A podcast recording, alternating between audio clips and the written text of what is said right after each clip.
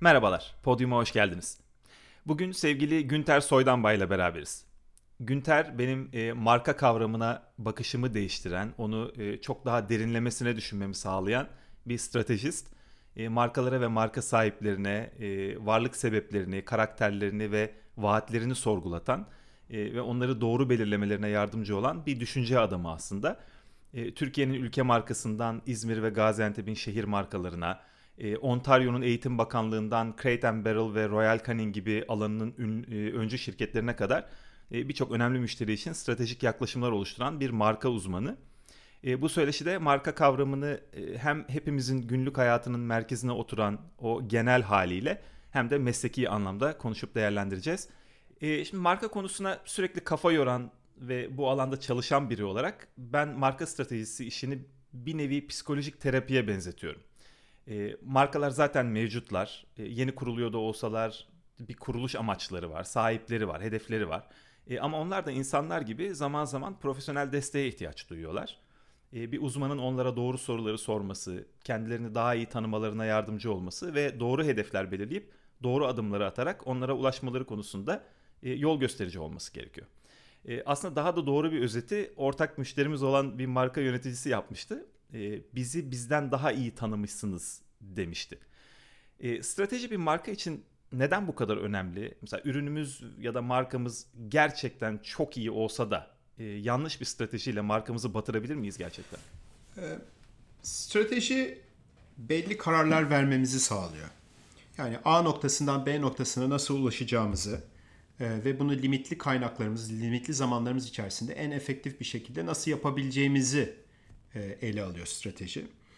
E, ve bir, markayla e, çalışırken eğer bunun stratejisini doğru belirlerseniz kime hangi ürünü, ne zaman, nerede, ne şartlar altında, e, hangi ortamda satması gerektiğini saptıyorsunuz. Ve bu şekilde onlara bir yol haritası çıkarıyorsunuz. E, işte müşterilerin de genelde en çok ihtiyaç duydukları çünkü çok yoğun bir e, tempoda çalışıyorlar.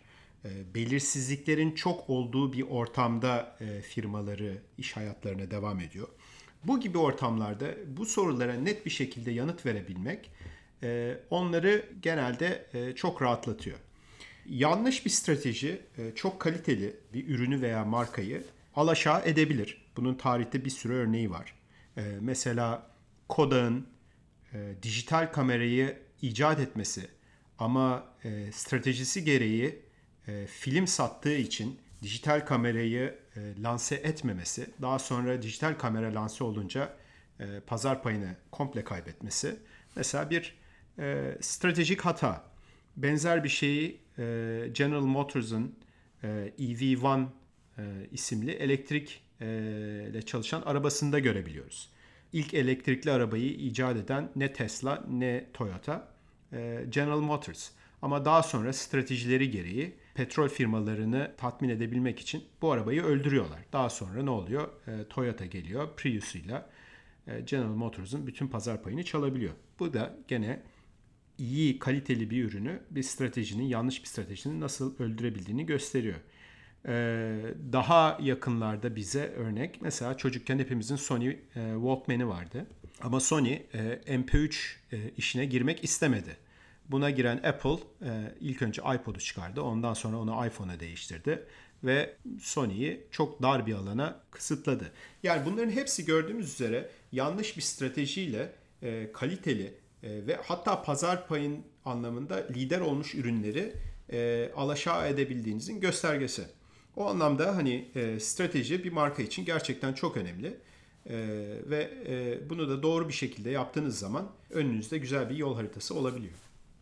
Evet. Yani bu kadar büyük markaların bile bu kadar e, ciddi paralar harcayabilen, ciddi imkanlara sahip markaların bile bu kadar net, basit hatalar, gerçi tabii o dönemde nasıl görünüyordu bilemiyoruz ama e, biz dışarıdan baktığımızda ya da marka üzerine çalışan insanlar dışarıdan baktığında büyük ihtimalle ya nasıl böyle bir şey yapmış olabilirler, nasıl bu kadar e, vizyonsuz davranmış olabilirler gibi düşünebilirler herhalde. E, ama böyle hataları büyük firmalarda, e, büyük girişimlerde yapıyorlar görüldüğü kadarıyla. E, senin marka stratejisi yaklaşımın genelde bir hikaye anlatmak üzerine. E, bu hikayelerde de sıklıkla karakter şablonlarını yani e, arketipleri kullanıyorsun.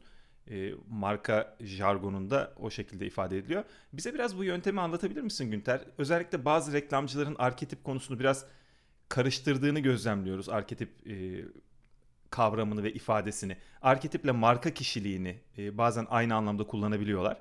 Aradaki fark nedir ve arketipler bir markanın hikayesini anlatırken bize nasıl fayda sağlıyorlar?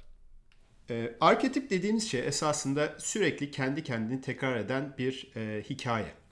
E, ve bu hikayeler ilginç bir şekilde dünyada kültürler üstü, coğrafyalar üstü ve zaman üstü e, gözlemleyebildiğimiz şeyler. Mesela kahraman dediğimiz zaman gerek Türkiye'de olun, gerek Japonya'da olun, gerekse de Latin Amerika'da olun gözünüzün önünde çok benzer bir karakter canlanacak. Benzer şekilde hükümdar dediğimizde veya yaratıcı dediğimizde e, çok benzer e, karakterler gözümüze canlanıyor.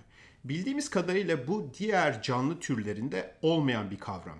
Yani insanlığın bir şekilde toplumsal bilinç dışında yaratılmış e, bu kavramlar. Bunlar arketipler ve markalara baktığınızda markalar, ikonik markalar özellikle e, arketipik roller oynayabiliyorlar. Mesela bir Nike'ın sürekli bu kahraman rolünü oynaması e, veya e, Kuzey Amerika'da olanlar bileceklerdir. E, Ben Jerry's'in işte soytarı e, rolünü oynaması e, veya bir Jeep markasının e, kaşif rolünü oynaması. Bunlar e, markaların e, özüne indiğimizde temel anlamlarını oluşturuyor ve insanların, tüketicilerin veya müşterilerinin diyelim daha doğrusu e, hayatlarında oynadığı rolü tespit ediyor. Bu anlamda bir markanın arketipini bulabilirseniz onun hikayesini, ana hikayesini bulabiliyorsunuz. Yani biz burada bir kahramanlık hikayesi mi anlatacağız yoksa bir aşk hikayesi mi anlatacağız? Ve bu genelde e, markanın ana e, arketipik hikayesi oluyor. Ancak ben e, yurt içinde olsun, yurt dışında olsun e, belli, bazen meslektaşlarımla konuştuğumda veya onların yazdıklarını okuduğumda e, bu arketiplerin esasında sayıca çok az olduklarını, e, özellikle marka özelinde 12 tanesi kullanılır bunların. Bunların e, aynı çiğnenmiş sakızın veya aynı yemeğin sürekli önümüze sürüldüğünü, yaratıcılığı e, kısıtladığını ve e, esasında çok da önemli olmadığını söylediklerini duyabiliyorum. Bir başka grup ise e, bu arketipi bir şekilde marka kişiliğiyle e, bir şekilde aynı anlamda kullanıyor. Bu ikisi de esasında çok doğru bir şey değil. E, birincisi arketip dediğiniz şeyi en iyi şu şekilde e, düşünebiliriz. Arketip sizin hayatta oynadığınız roldür. Ama kişilik dediğimiz şey e, sizin bu role nasıl ulaştığınızın e, göstergesidir. Yani bir insan e, içinde bulunduğu durumdan ötürü baba olmak zorunda kalabilir ve o anda e, bir baba e, arketipini yaşamak zorunda kalacaktır. Çünkü onun getirdiği belli sorumluluklar vardır, belli hayat şekli vardır. Ama bu insan tamamen düzensiz bir insan olabilir veya çok düzenli bir insan olabilir. Bu onun oynayacağı babalığı değiştirecektir. Bu insan çok sevilebilir bir insan olabilir veya çok agresif bir insan olabilir. Ee, bunların tamamı e, arketipten bağımsız şeyler. E, ve psikolojide biz buna 5 e, faktör diyoruz. E, yani bir markaya baktığımız zaman onun rolünü ve hikayesini bulmak için arketipi kullanıyoruz. Ama markanın kişiliğini anlamak için e, daha çok e, kişilik psikolojisi olan e, bu 5 faktörü kullanıyoruz. Evet yani e, bir arketip belirlediğimizde aslında markanın önündeki yolları tıkamıyoruz. Belli bir daraltma ve belli bir tutarlılık tabii ki sağlıyoruz. E, ama çok çeşitli şekillerde de o arketipi yoğurup kullanma şansımız ileride oluyor. E, dolayısıyla burada aslında biraz arketiplerle daha tahmin edilebilir bir çizgi ve hikaye yaratıyoruz diyebilir miyiz? Yani Nike'ın yarınki adımını tahmin edebiliyoruz. Çok ekstrem böyle bizi çok şaşırtan bir hareket yapmayacağını biliyoruz. Mesela Apple'ın e, fiyatlandırma e, politikası bunlardan bir tanesi. Apple'ın 2000 dolarlık bir bilgisayarının %50 indirime girdiğini hiçbir zaman göremeyiz. E, işte 1920 dolara iner, büyük bir indirimmiş gibi görünür. E, bu Apple'ın aslında ortaya koyduğu e, değerli duruşun ve farklı özgün duruşun e, yansımalarından bir tanesi. Ama Apple günün birinde çıkıp da %60 indirim hadi gelin en ucuz bilgisayarlar bizde gibi bir şey söylerse hepimiz bir yabancılaşıp Allah Allah ne oldu acaba Apple'a demeye başlarız ve bu da markaya zarar verir. Dolayısıyla arketiplerin biraz e, bu tutarlılığı sağlamak açısından e, hayati öneme sahip olduğunu söyleyebiliriz sanırım değil mi? Kesinlikle doğru. Ee, yani özüne indiğimiz zaman e, bu arketip bize bir e, bir e, yol haritası sunuyor. E, yani A tarafına mı gideceğiz, B tarafına mı gideceğiz yoksa C tarafına mı gideceğiz? Ve bu sizin markanızın esasında piyasada bulunduğu pozisyonla da çok önemli. Yani pozisyon e, bulunduğunuz pozisyona göre farklı arketipler oynayabiliyorsunuz. Farklı roller oynayabiliyorsunuz. Her rol her e, müşteri kitlesi için aynı şekilde çekici olmayabiliyor.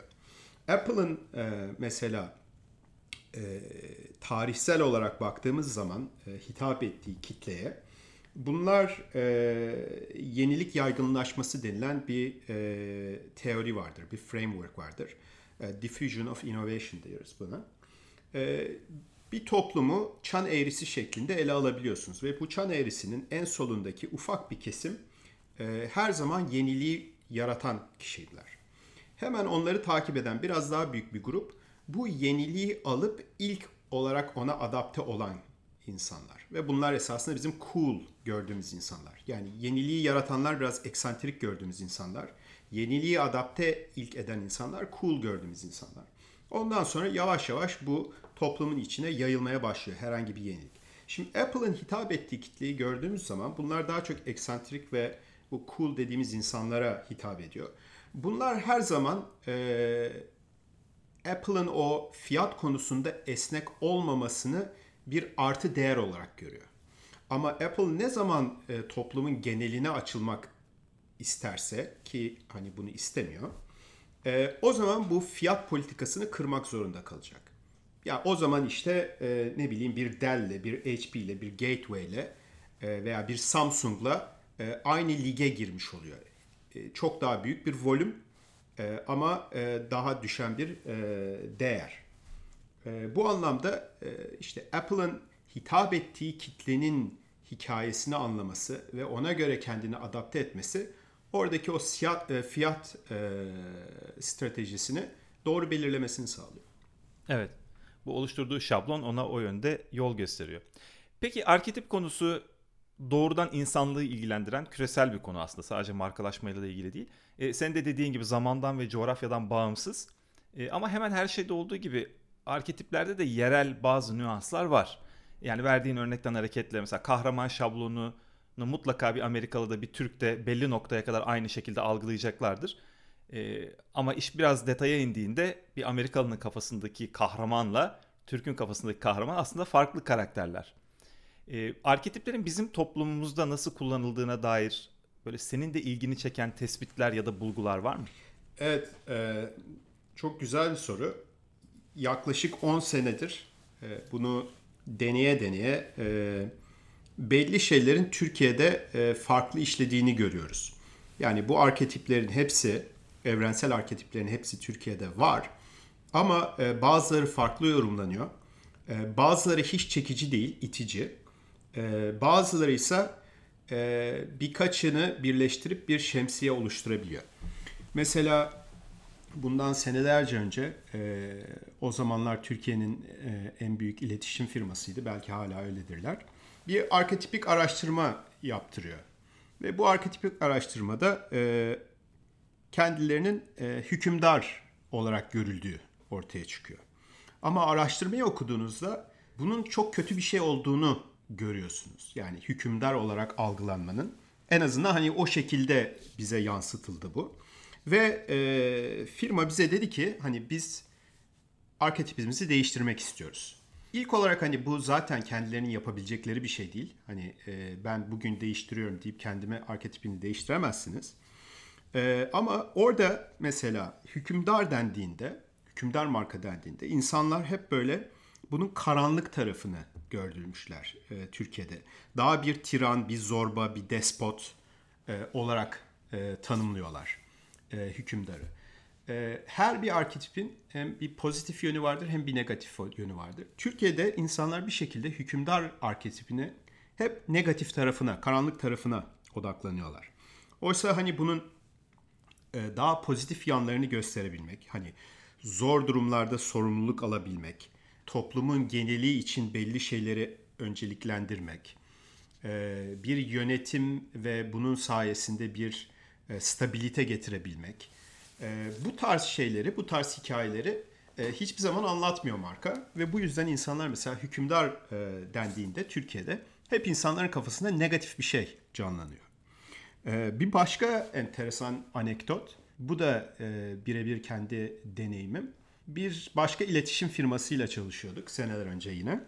Ve e, bunların arketipinin esasında e, sokaktaki adam yani sıradan vatandaş olduğunu e, tespit ettik.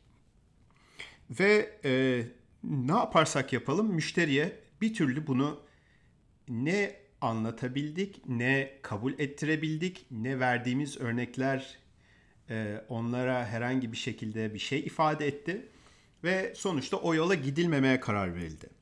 Çünkü Türkiye'de e, yani özellikle Kuzey Amerika'da veya e, Anglo-Sakson bir ülkede yaşamış dinleyiciler e, bileceklerdir. Every man, every person dediğimiz şey esasında çok önemli. Oradaki demokrasiyi, e, demokrasinin temeli bu insanlar ve e, işine odaklanmak, e, hani böbürlenmemek, herkesle eşit şartta çalışmak, ekstra bir şey talep etmemek. Bunlar çok pozitif özellikler. Ama bir şekilde Türkiye'de bu sokaktaki adam arketipi dediğimiz zaman işte akla direkt düz adam olmak ve e, yok olmak, e, topluma karışıp e, işte eriyip gitmek ve kendi özelliğini kaybetmek gibi e, şeyler geliyor. E, fikirler geliyor insanların aklına ki bunlar gene e, bu markanın e, negatif yönleri. Bir başkası var. O da o da çok ilgimi çekmişti. Bu arketiplerden bir tanesi de e, aşık arketipi. E, ve aşık arketipinin esasında yani İngilizcesi lover. Hani bizde Türkçe'ye çevirdiğimiz bir zaman bile e, tam kapsamıyor bunu. Yani seven gibi bir şey dememiz lazım. Bu aşık arketipi e, Türk kültüründe neredeyse tamamen e, romantizme e, indirgenmiş bir şey. E, ilk olarak bunun kesinlikle bir fiziksel e, yani biyolojik e, tarafı yok Türk kültüründe. Yani aşık dediğimiz zaman insanlar otomatikman işte Leyla ile Mecnun tarzı şeyler düşünmeye başlıyorlar. Ama akıllarına ne bileyim bir işte fan fatal veya bir Don Juan gelmiyor. Bunlar bir kere hani Türk kültüründen tamamen çıkartılmış şeyler. Bir de bu e, aşık veya seven arketipinin e, tamamen farklı bir boyutu var ki o da Türkiye'de Türk toplumunda hiç onu gözlemlemedim.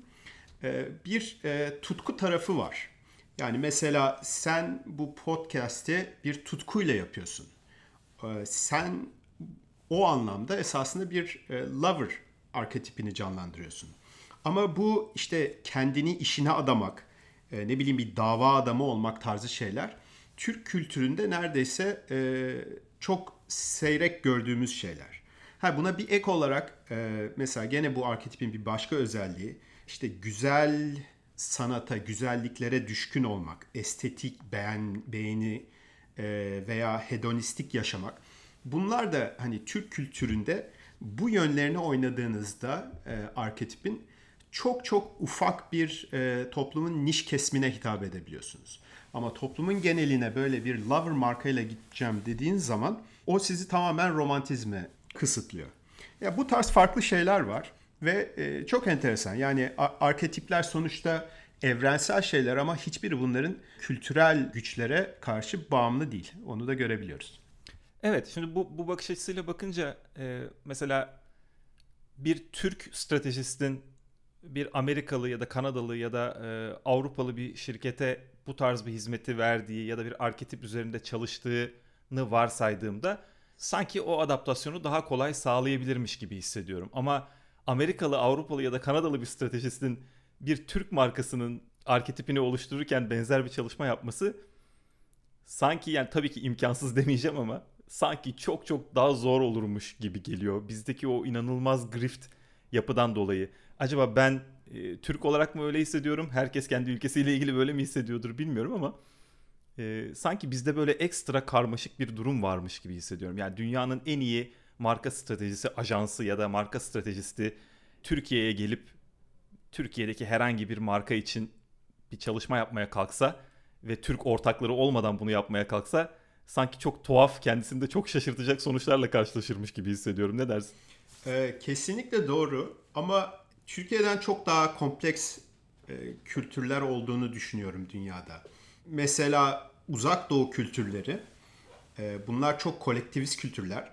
Dediğin özelinde de zaten biraz e, bu e, bireysellik ve kolektivlik kolektivistlik yırtıyor.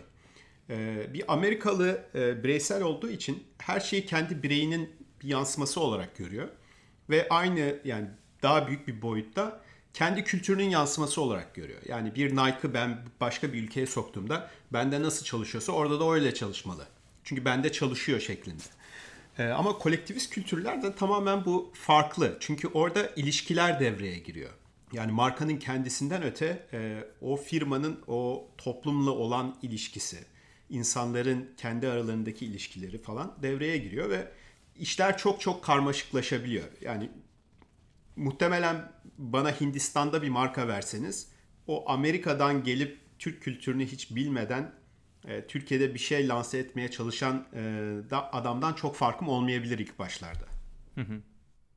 Evet çok çok ciddi nüans farkları var ve çok e, çok zengin böyle tahmin edilmesi çok güç grift e, şeyler var, kültürler var.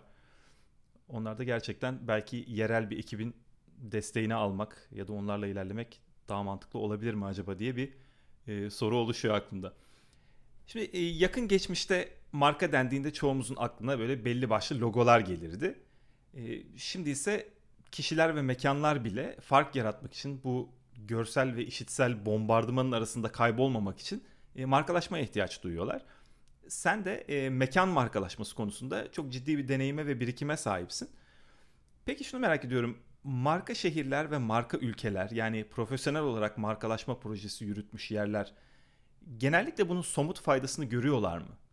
Bunu tabii e, bir reklam kampanyası etkisi anlamında sormuyorum. Yani çok iyi ve yaygın bir reklam kampanyası yaparak işte bir ülkenin, bir şehrin ziyaretçi sayısını bir iki seneliğine arttırmak tabii ki mümkün olabilir. Ama daha da önemlisi insanların algısına etki etmek ve uzun vadede e, rakamlara yansıyan sonuçlar yaratabilmek ya. Bunun başarıldığı çarpıcı örnekler var mı ya da bunlar çoğunluktalar mı sence? Ee, bunun başarılı olduğu örnekler var. Ee, kesinlikle azınlıktalar, onu söyleyebilirim. Bunun da birkaç sebebi var. Ee, ilk olarak bu mekan markalaşması derken biz genelde turizmi biraz ayrı tutmaya çalışıyoruz. Çünkü turizm dediğimiz şey daha bir kampanya kampanyamsı bir şey. Ama bir mekanı kalifiye iş gücüne daha çekici kılmak e, veya bir ülkeden veya bir şehirden çıkan markaların daha kaliteli olduklarının e, sağlamak veya e, öyle algılanmalarını sağlamak. Bunlar benim nezdimde mekan markalaşmasının daha temel sorunları.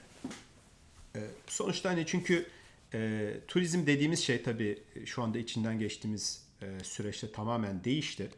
E, ama turizm dediğimiz şey bir paket esasında. Çoğu insan için bir paket. Ve bu anda baktığımızda bir deneyim satın alıyorlar. İşte bu 3 günlük bir deneyim olabilir, 5 günlük, 7 günlük bir deneyim olabilir. Ve bu bu şekilde bakarsak e, çok başarılı bir sürü e, mekan markası var. Ama biraz önce de dediğim gibi hani benim mekan markası algılım e, bunlardan biraz daha farklı. Azınlıkta dedim. Seneler önce bir araştırma vardı.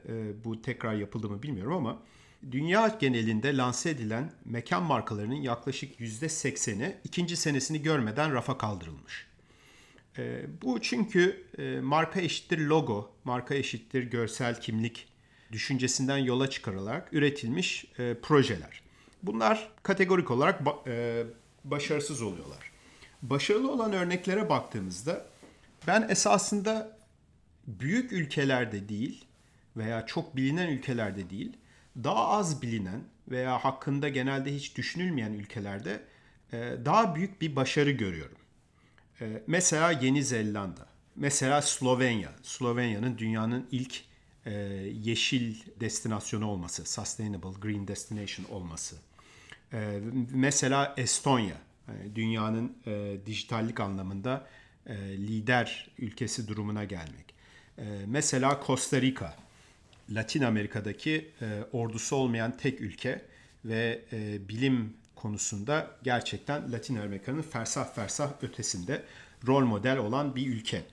E, bunların hepsinin baktığımız zaman e, gerçekten bir marka stratejisi olduğunu görüyoruz.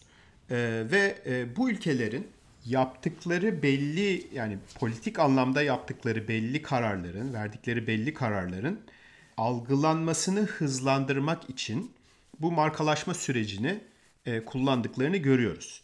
Ama bunun tersini yapan ülkelerde de bu genelde geri tepebiliyor. Yani bir e, politik altyapı olmadan, bir hazırlık olmadan sadece tanıtım şeklinde mekan markalaşmasını elen, e, ele alan e, ülkeler veya kentler e, genelde başarısız oluyorlar.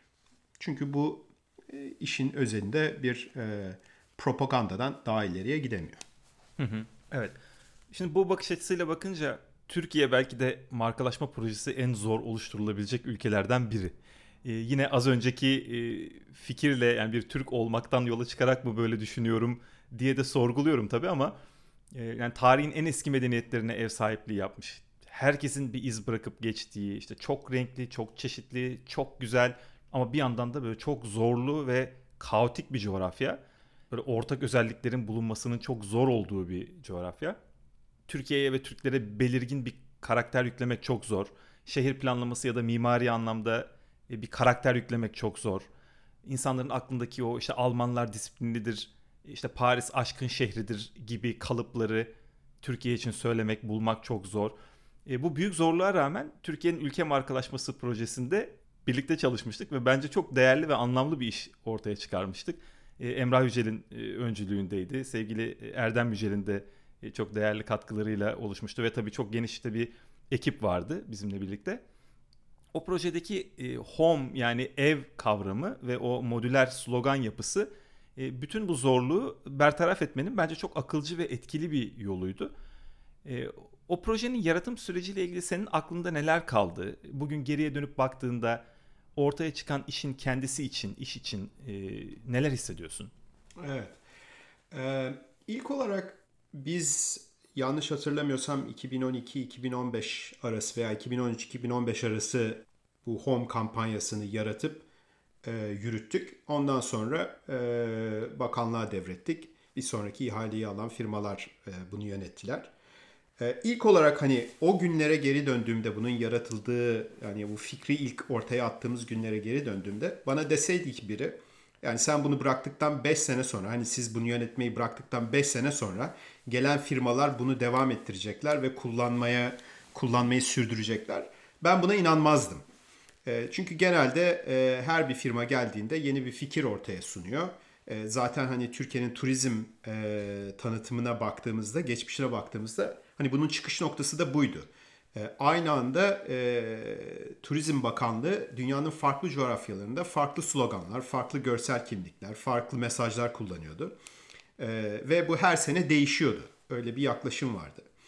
E, ama yani öyle bir şey bulmuşuz ki biz e, gittikten 5 sene sonra hala kullanılmaya devam edildi bu.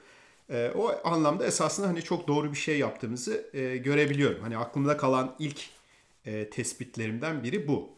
İkincisi e, bu fikri ilk ortaya attığımızda e, bu home fikrini yanlış hatırlamıyorsam 3 kategori belirlemiştik. Yani bir e, coğrafi mekan olarak, iki e, kültürel öğe olarak, e, üç bir de kişi olarak hani home'u ele alabiliriz demiştik. E, veya bir kavram olarak mesela işte home of serenity deyip e, Antalya'da deniz kenarında e, bir çift gösterebiliyorduk. Veya e, o zaman Orhan Pamuk Nobel'i almıştı veya alıyordu tam hatırlamıyorum. E, işte Home of e, Orhan Pamuk deyip onu kullanabiliyorduk. Ee, biz hani ilk başta bu şekilde bir şablon düşünmüştük. Ee, ve bu seneler içerisinde inanılmaz bir şekilde kendi kendine kompleksleşti. Ee, ve e, çok daha yaygınlaştı. Hani bizim hayal edemeyeceğimiz e, bir derinliğe kavuştu. Kore'deki bir turiste e, hani onun bildiği Türk yemeğinden yola çıkarak işte Türkiye Home of İskender Kebap diye biliyorduk. E, ama e, Finlandiya'da e, emekli olmuş bir insana e, işte e, Home of Wellbeing deyip e, İzmir'deki bir fizik tedavi mekanını gösterebiliyorduk. Yani o kadar kompleksleşmişti ki e, kendi kendini sürdüren bir ekosisteme dönüşmüştü e, bu kampanya. Belki de e, bu yüzden hani e, bizden sonra 5 sene kendi kendine yaşayabildi. Çünkü bizim hayatta aklımızın ucundan geçmeyen e, dünyanın farklı köşelerine bir şekilde ulaşmayı başarabildi. Evet bir de bunun e, hatırlatmak istediğim bir başka kısmı var. Bir telefon uygulaması vardı. E, orada da hem bizler Türkiye Cumhuriyeti vatandaşları hem de turistler Türkiye'yi neyin evi olarak gördüğümüzü orada kendi kelimelerimizle, kelimemizle ifade edebiliyorduk. Bir tanesi çok sucuk seviyorsa Home of Sucuk diyordu İstanbul için. Bir tanesi Ayasofya'ya bayıldıysa Home of Ayasofya diyordu. E, ve kendi fotoğrafını koyarak kendi posterini yaratıyordu. Aslında bu yaklaşım e, senin de bahsettiğin bu ekosisteme dönüşen e, durum bir marka projesi için bulunmaz bir fırsat. Elde edilmesi çok da zor bir başarı bence.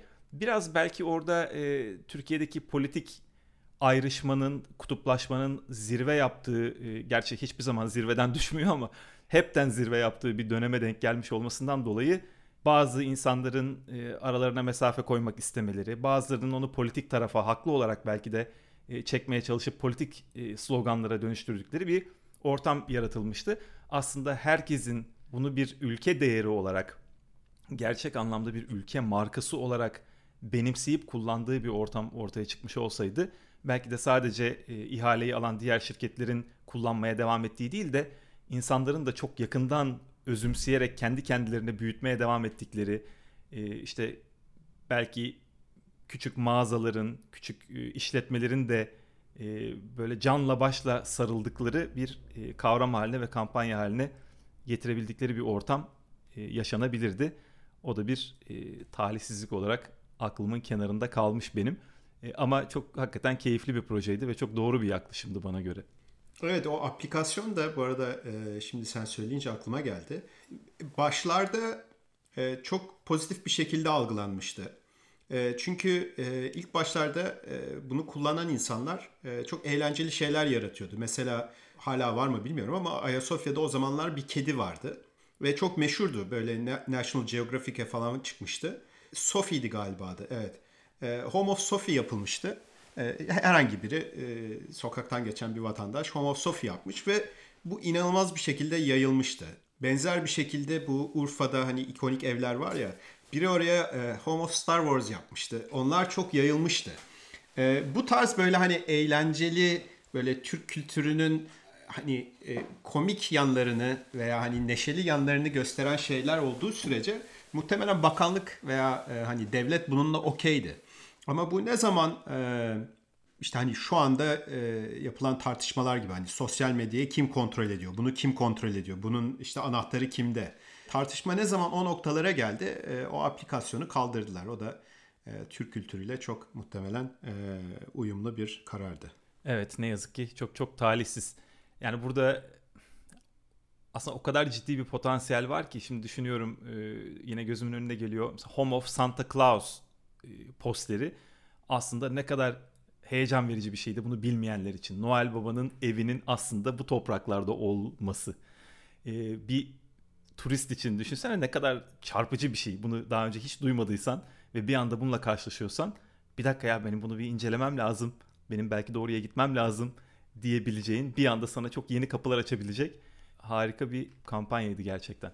Evet yani citizen engagement e, deniyor buna. E, o anlamda gerçekten çok öncü bir projeydi. Evet, evet. Ve gerçekten Türkiye'yi markalaştırmak başka nasıl bu kadar e, böyle etkileyici ve akılda kalıcı şekilde yapılabilirdi bilmiyorum. Çünkü hakikaten çok çok çok zor bir görevdi. Peki biraz e, konuyu değiştirmek istiyorum Günter. Geçen yıl e, Jordanizm adında bir kitabın yayınlandı. E, sevgili Mümin Sekman'ın editörlüğünü yaptığı bir projeydi bu. E, basketbolcu Michael Jordan'ın başarı hikayesini kaleme aldın e, ve hepimizin ondan çıkarabileceği dersleri derledin. E, bize o süreci biraz anlatabilir misin? E, Jordanizmle okurlara neler vaat ediyorsun? Ve bir de biraz klasik bir soru olmakla beraber Michael Jordan'ın hayatını araştırırken seni en çok etkileyen anekdotlardan birini bizle paylaşabilir misin? Evet. Ee, esasında çok enteresan. Ee, bu Jordanizm kitabını yazmak benim fikrim değildi. Hatta e, kitap yazmak için de yola çıkmamıştım. Bir şekilde kitaba evrildi. Bunun da yani hem fikir babası hem de en büyük destekçisi Mümin Sekman'dı. E, biz seneler önce Mümin Sekman'la e, Hayat Bilgesi diye e, bir kitapta e, ortaklaşa çalışmıştık. E, ve e, o kitapta hani kendi alanında çok çok başarılı olmuş 25 kişi saptamıştık. İşte film sektöründe bazı isimler, politika sektöründe bazı insanlar. Sporda da Michael Jordan vardı. Ee, ve bunlardan alınabilecek ders niteliğinde e, belli paragraflar saptamıştık. Ee, ben e, çocukluğumdan beri Michael Jordan'ı çok sevdiğim için e, hatta onu biraz rol model olarak gördüğüm için kendimi e, çok severek yapmıştım o şeyi. E, Mümin de bunu fark etmişti ve demişti ki e, istersen bunu küçük bir kitapçığa çevirelim. 30 sayfalık, 40 sayfalık. E, daha sonra e, başka isimleri de koyarız. Biraz daha kapsamlı bir şey olur. Ben de tamam dedim yazmaya başladım. E, hani başlama o başlama. Bir anda böyle 200 sayfa falan bir şeye ulaşmışız. Ve Mümin dedi ki hani bunu kesinlikle yayınlamamız lazım. Bunun içerisinde çünkü çok değerli başarı dersleri var. E, ve o şekilde e, onun bastırmasıyla hani bunu bir kitap formatına çevirdik e, ve yayınladık. Michael Jordan'dan alınabilecek çok sayıda ders var yani onun hayatından. Ee, özellikle bu pandemi zamanında Last Dance, Son Dans isimli belgeselde hani bunların çoğunu e, toplumun büyük bir kısmı gördü. Ama Michael Jordan'ı e, hani bir kelimeyle özetlemek gerekse veya o bir kavramla özetlemek gerekse e, rekabetçi bir adam. Yani üst düzey rekabetçi bir adam. E, hani insanlık tarihine geçecek düzeyde rekabetçi bir adam. Bir başka özelliği e, inanılmaz optimist bir adam. Yani ne kadar başarısız olursa olsun eninde sonunda başarıya ulaşabileceğini düşünüyor. Ve onun hayat hikayesine baktığımızda bunları görebiliyoruz. E, Michael Jordan işte bu anlamda söylediği bazı anekdotlar bu rekabetçilikle, e, bazı anekdotlar bu e, optimistlikle, olumlu düşünmeyle alakalı. Bunların ikisi de hani güzel şeyler söylemiş ama hani bunlar bana çok yani e, bireysel anlamda bana çok hitap eden şeyler değildi. Beni en enteresan e, benim en enteresan bulduğum onun hayatındaki hikaye yanlış hatırlamıyorsam 1987 sezonunda sakatlıktan dönüyor. Ve NBA'de hani kırılabilecek neredeyse ne kadar rekor varsa hepsini kırıyor. En çok sayı atıyor, e, ortalaması çok yüksek, durdurulamaz bir oyuncu. Ama o senenin sonunda ona en değerli oyuncu ödülünü vermiyorlar. Ee, bunun sebebi de diyorlar ki sen oyunun sadece bir tarafını oynuyorsun. Hücum. Savunmayı oynamıyorsun. Ee, ve o anlamda biraz dalga geçiyorlar. Sen esasında hani yarım oyuncusun diye. Ve Michael Jordan diyor ki, ya bu çok Michael Jordan e, bir söz. Ben kendime yarım adam dedirtmem. Bütün yaz boyunca çalışıyor. Ertesi sene yani bir önceki sene kırdığı rekorların aynılarını üretmekle beraber aynı zamanda yılın en iyi savunmacısı seçiliyor. Ve NBA tarihinde o ana kadar e, en çok sayı atıp en iyi savunmacı seçilen bir insan yok. E, yani bu e, hani ben kendime bunu dedirtmem deyip gurur yapıp e, sonuna kadar çalışması herhalde Michael Jordan'dan alınabilecek en önemli ders. Evet gerçekten çok çarpıcı bir hikaye e, sözlerine baktığımızda e, geriye kalmış böyle ikonlaşmış sözlerine baktığımızda da hep vazgeçmemek, denemek, hata yapmak, gerekirse kaybetmek ama hiçbir zaman denemekten ve e, çabalamaktan vazgeçmemek gerektiği üzerine olduğunu görüyoruz. Ortak özelliğinin o olduğunu görüyoruz. E, o hırs, olumlu anlamdaki hırs onu belki de Michael Jordan yapan şey olmuş. Evet. E, Yine konuyu biraz farklı bir yere e, götüreceğim Günter. Bu Hollandalı iletişim danışmanı eğer doğru e, söyleyebiliyorsam ismini Marieke de Moy şöyle diyor. Birey için hafıza neyse toplum için de kültür odur. E, Türkiye'de son 18 yılda özellikle tabii sistematik bir şekilde Türk ve Anadolu kültürü e, deforme edildi ve edilmeye devam ediliyor. E, bu tarz bilinçli ve yönlendirmeli değişimler sence uzun ömürlü olabilirler mi? Kalıcı olabilirler mi? Yoksa toplumun binlerce yıllık geçmişi bu kısa süreyi bünyesinde öğütüp e, bir süre sonra yeniden kendi ortalamasına dönüşü sağlar mı? Bence daha çok ikincisi. Ee, ama tabii hani bu e, yapılan şeyin e, toplumun özünden ne kadar e, bağımsız olduğunun e, tartışılması lazım. Kültür öyle e, sadece haberle, televizyonla, onunla bununla değiştirebileceğiniz bir şey değil. E, kültür hatta yani muhtemelen pek değiştirilebilecek bir şey değil. E, bunu belki sen en iyi bilen insanlardan birisin. Çünkü bir kültürde doğdun ve başka bir kültürde yaşıyorsun. E, ve kendini Amerika'da doğmuş, büyümüş bir Amerikalı ile karşılaştırdığında her zaman aranızda bir kültürel bariyer olduğunu muhtemelen fark edeceksin. Yani sen bu uyumu sağlayabilirsin ama e, bu hani kültürel anlamda onlar, onlarla aynı değerleri e, saptıyorsun veya taşıyorsun anlamına gelmiyor. Almanya, e, Fransa gibi ülkelere baktığımızda hani e, Almanya'daki Türkler, Fransa'daki Faslılar falan bunlar ikinci, üçüncü jenerasyonda bile hala o eski kültürel değerlerini taşıyorlar. Tam olarak bir Fransızla bir Almanla aynı noktaya gelmiyorlar. Bu bağlamda hani sen istediğin kadar kültürel deformasyon yap. E, bu bir noktada e, seni hani belki günü kurtarmanı sağlayabilir ama hani eşya her zaman muhtemelen e, kendi tabiatına geri dönecektir. Evet. E, yani tarihin çeşitli zamanlarında tabii sadece bu dönemde olan bir şey değil ama çeşitli zamanlarında böyle bir çekiştirmenin yaşandığını görüyoruz. Bazen bir tarafa çekiştiriliyor, bazen bir tarafa çekiştiriliyor. Ama dönüp dolaşıp bir orta noktaya geliyor. Ee, bakalım bu sefer nasıl olacak? Bakalım bu yılların e, getirisi götürüsü bundan belki 30-40 yıl sonra e, Türkiye'de bize neler gösterecek? E, buradan hareketle de e, biraz şunu sormak istiyorum Günter. Bana göre bir stratejistin gelecekte yaşaması gerekiyor bir anlamda. E, birkaç sonraki adımı da düşünmesi, çevrede olup biteni anlaması, sosyolojik çıkarımlar yapması, hatta belki teknolojiyi bile yakından takip etmesi. E, bu bakış açısıyla senin dünyanın geleceğine dair neler düşündüğünü merak ediyorum. Bu tabii çok geniş bir soru ama e, biraz daha genel hatlarıyla mesela bundan 30 yıl sonra dünya siyasetinde, insanların yaşamında, algı şeklinde e, böyle çok büyük köklü bir değişiklik bekliyor musun? Geçmişteki belki 30 yıl öncesine oranla. Evet yani bu değişimin hızı e, gitgide hızlanıyor. En azından en basitte bunu söyleyebiliriz. E, yani 30 sene geriye gittiğimizde e, 1990'lardaki dünyayla 30 sene ileriye gittiğimizde 2050 arasındaki dünya muhtemelen çok çok daha e, farklı ve değişmiş olacak. En azından hani en basitte bunu söyleyebiliriz. E, yani bazı olumlu şeyler olacağını görebiliyorum.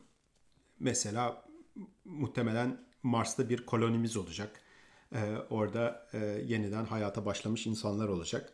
E, bu tarz olumlu şeyler olabilir ama genel anlamında e, yaklaşık bir 100 yıl sene önceye kadar Orta Çağların sonundan bu 1900'lerin başına kadar bu e, aydınlanma çağı denilen zamanda insanoğlu bir stabilite e, illüzyonuyla, öngörülebilirlik illüzyonuyla büyümüş ve gelişmiş. E, bunun temelinde de fizik e, bilimindeki hani gelişmeler yatıyor. E, yer çekimi kanunu keşfediliyor. Onun e, akabinde işte saatler e, icat ediliyor ve insanlar her şeyin öngörülebilir olduğunu düşünmeye başlıyorlar.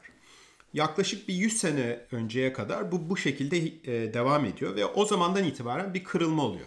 Bilimde e, bazı doğru bildiğimiz şeylerin esasında doğru olmadığı, esasında hayatın çok daha belirsiz olduğu ve bunu e, öngöremediğimiz, saptayamadığımız şeklinde e, belli kavramlar insanların kafalarında oluşmaya başlıyor.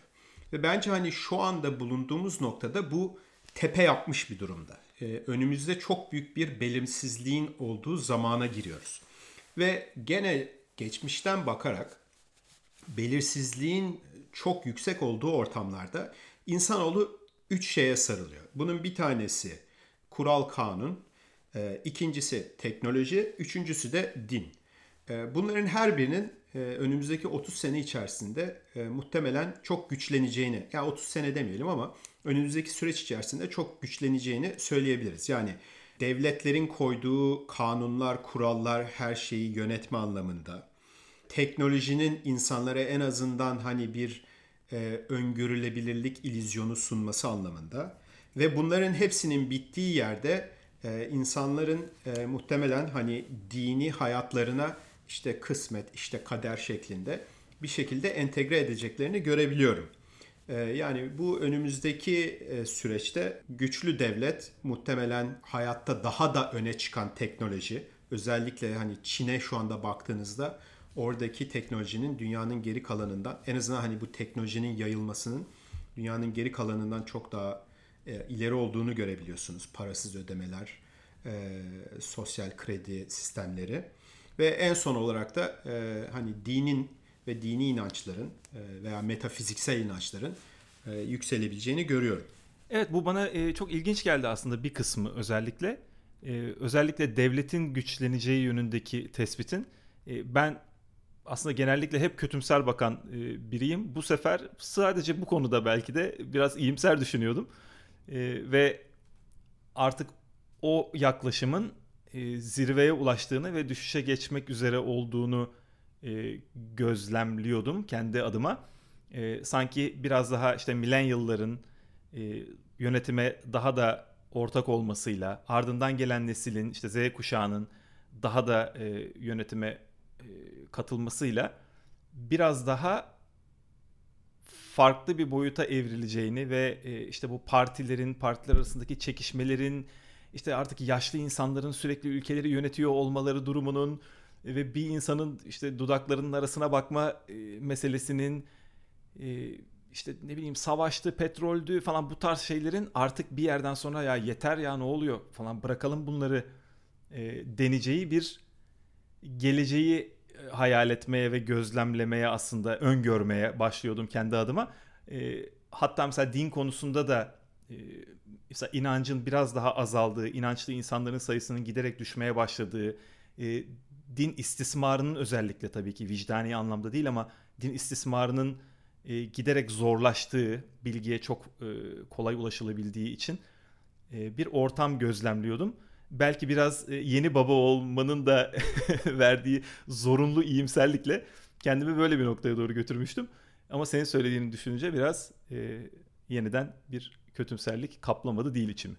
Ee, içini kararttığım için özür dilerim. ee, ya buna esasında şu şekilde bakabiliriz. Yani hani 30 sene çok uzun bir zaman dilimi. Ee, belki burada hani iki jenerasyon çıkarabilecek bir zaman dilimi. Bu çok enteresan bir teori var veya kuram e, var. E, bunun adı fourth turning yani dördüncü döngü. E, bu dördüncü döngü teorisi e, Amerika kültürüne kurulduğu ana kadar hatta kurulmadan önce e, İngiltere'ye kadar gidiyor. Ve yaklaşık her 20-25 senede bir bir e, jenerasyonun diğerini takip ettiği, onu başka birinin takip ettiği ve onu da dördüncünün takip edip tekrar birinciye döndüğü bir sarmal döngü çiziyorlar. Ve bu gerçekten hani Amerika tarihinde en azından 4-5 kere bu döngü e, sağlanmış. Ve bir özellikle 2. Dünya Savaşı'ndan sonra Amerika ve dünya kültürü aşağı yukarı en azından hani e, batı kültürü yani NATO ülkeleri diyelim veya hani e, 3. Dünya değil e, e, demir perde ülkeleri değil ama hani o e, NATO dünyasında kalan ülkelerde bunların çok büyük bir senkronizasyon geçirmeye başladıklarını görebiliyoruz. Ve genelde bir kriz ortaya çıkıyor. Bu krizden sonra bu kriz çözülüyor. Bir düzlüğe çıkıyorsunuz ama bu düzlükte çoğu şey bastırılıyor İkinci Dünya Savaşı'ndan sonraki Amerika veya Almanya gibi düşünebilirsiniz. İnsanlar çok çalışıyor, çok para kazanıyor e, ve devleti sorgulamıyorlar. E, daha sonra doğan kültürler yavaş yavaş e, bunu sorgulamaya başlıyorlar. Bu sorgulamaları e, soruna, e, sorunların tespitine ve en sonunda bir krize tekrar yol açıyor. Baktığınız zaman yani şu anda o kriz noktasındayız. Yani İkinci Dünya Savaşı'ndan beri ilk kez bu kriz noktasına gelmiş durumdayız. Ve bu kriz belki 3 sene belki 4 sene sürecek diye e, öngörüyor e, bu teoriyi orta, ortaya atanlar. Ama ondan sonra e, bütün e, bu dünyayı yöneten e, toplumlar ve onların kurdukları e, örgütler, işte Birleşmiş Milletler olsun, e, ne bileyim Dünya Bankası, NATO gibi şeyler olsun. Bunların hepsi 2. Dünya Savaşı'ndan sonra kurulmuş şeyler. Bunların yeni baştan, sil baştan e, yaratılacağı ve e, işte biraz önce de bahsettiğim bu kanunun, e, bu devletin güçlü olduğu aşama işte burada. E, ve bunun da yaklaşık bir 25-30 sene hani e, devam edebileceği öngörülüyor. E, yani hani belki içini biraz aydınlatmak gerekirse önümüzdeki süreçte şu anda olduğu gibi devam etmeyecek. Belki başka bir devlet yapısı olacak, belki başka bir yaklaşım olacak. Ama e, o stabilite getireceği şeyin e, yaklaşık 2025 yılından sonra e, hayatımıza gireceğini öngörüyorlar. Evet, yani kendimizi belki ucundan sıyırabiliriz ama çocuklarımızı kurtarma umudumuz hala var diyebiliriz. Tabii bunun için de önce e, Mars'a gitmek zorunda kalmamamız ve e, en azından buradaki yaşanabilir iklimi e, stabilize etmemiz gerekecek. E, dünyanın önünde çok hakikaten ilginç, sürprizli, soru işaretli bir gelecek var. Umarım hepimiz için en iyisi olur. Evet. Peki Günter gerçekten harika bir sohbet oldu. Tam tahmin ettiğim gibi yine e, yani bitmesini istemediğim ve ne zaman bir saate ulaştık e, şaşırarak takip ettiğim e, bir sohbet oldu. Umarım sen de benim kadar keyif almışsındır. Çok teşekkür ederim. Ben de çok keyif aldım. Sevgili Podium dinleyicileri, Günter hakkında daha detaylı bilgi almak, e, referanslarını incelemek ve makalelerini okumak için soydanbay.com adresini ziyaret edebilirsiniz. Kendisini Günter Soydanbay kullanıcı adıyla Twitter'da da takip etmeniz mümkün. Orada da oldukça aktif. E, son olarak söyleşimizde sözünü ettiğimiz Jordanizm kitabının e, Alfa yayıncılıktan çıktığını hatırlatalım. Bu kitabı da tüm popüler kitapçılarda bulmanız mümkün. Bir sonraki podyumda buluşmak üzere. Hoşçakalın.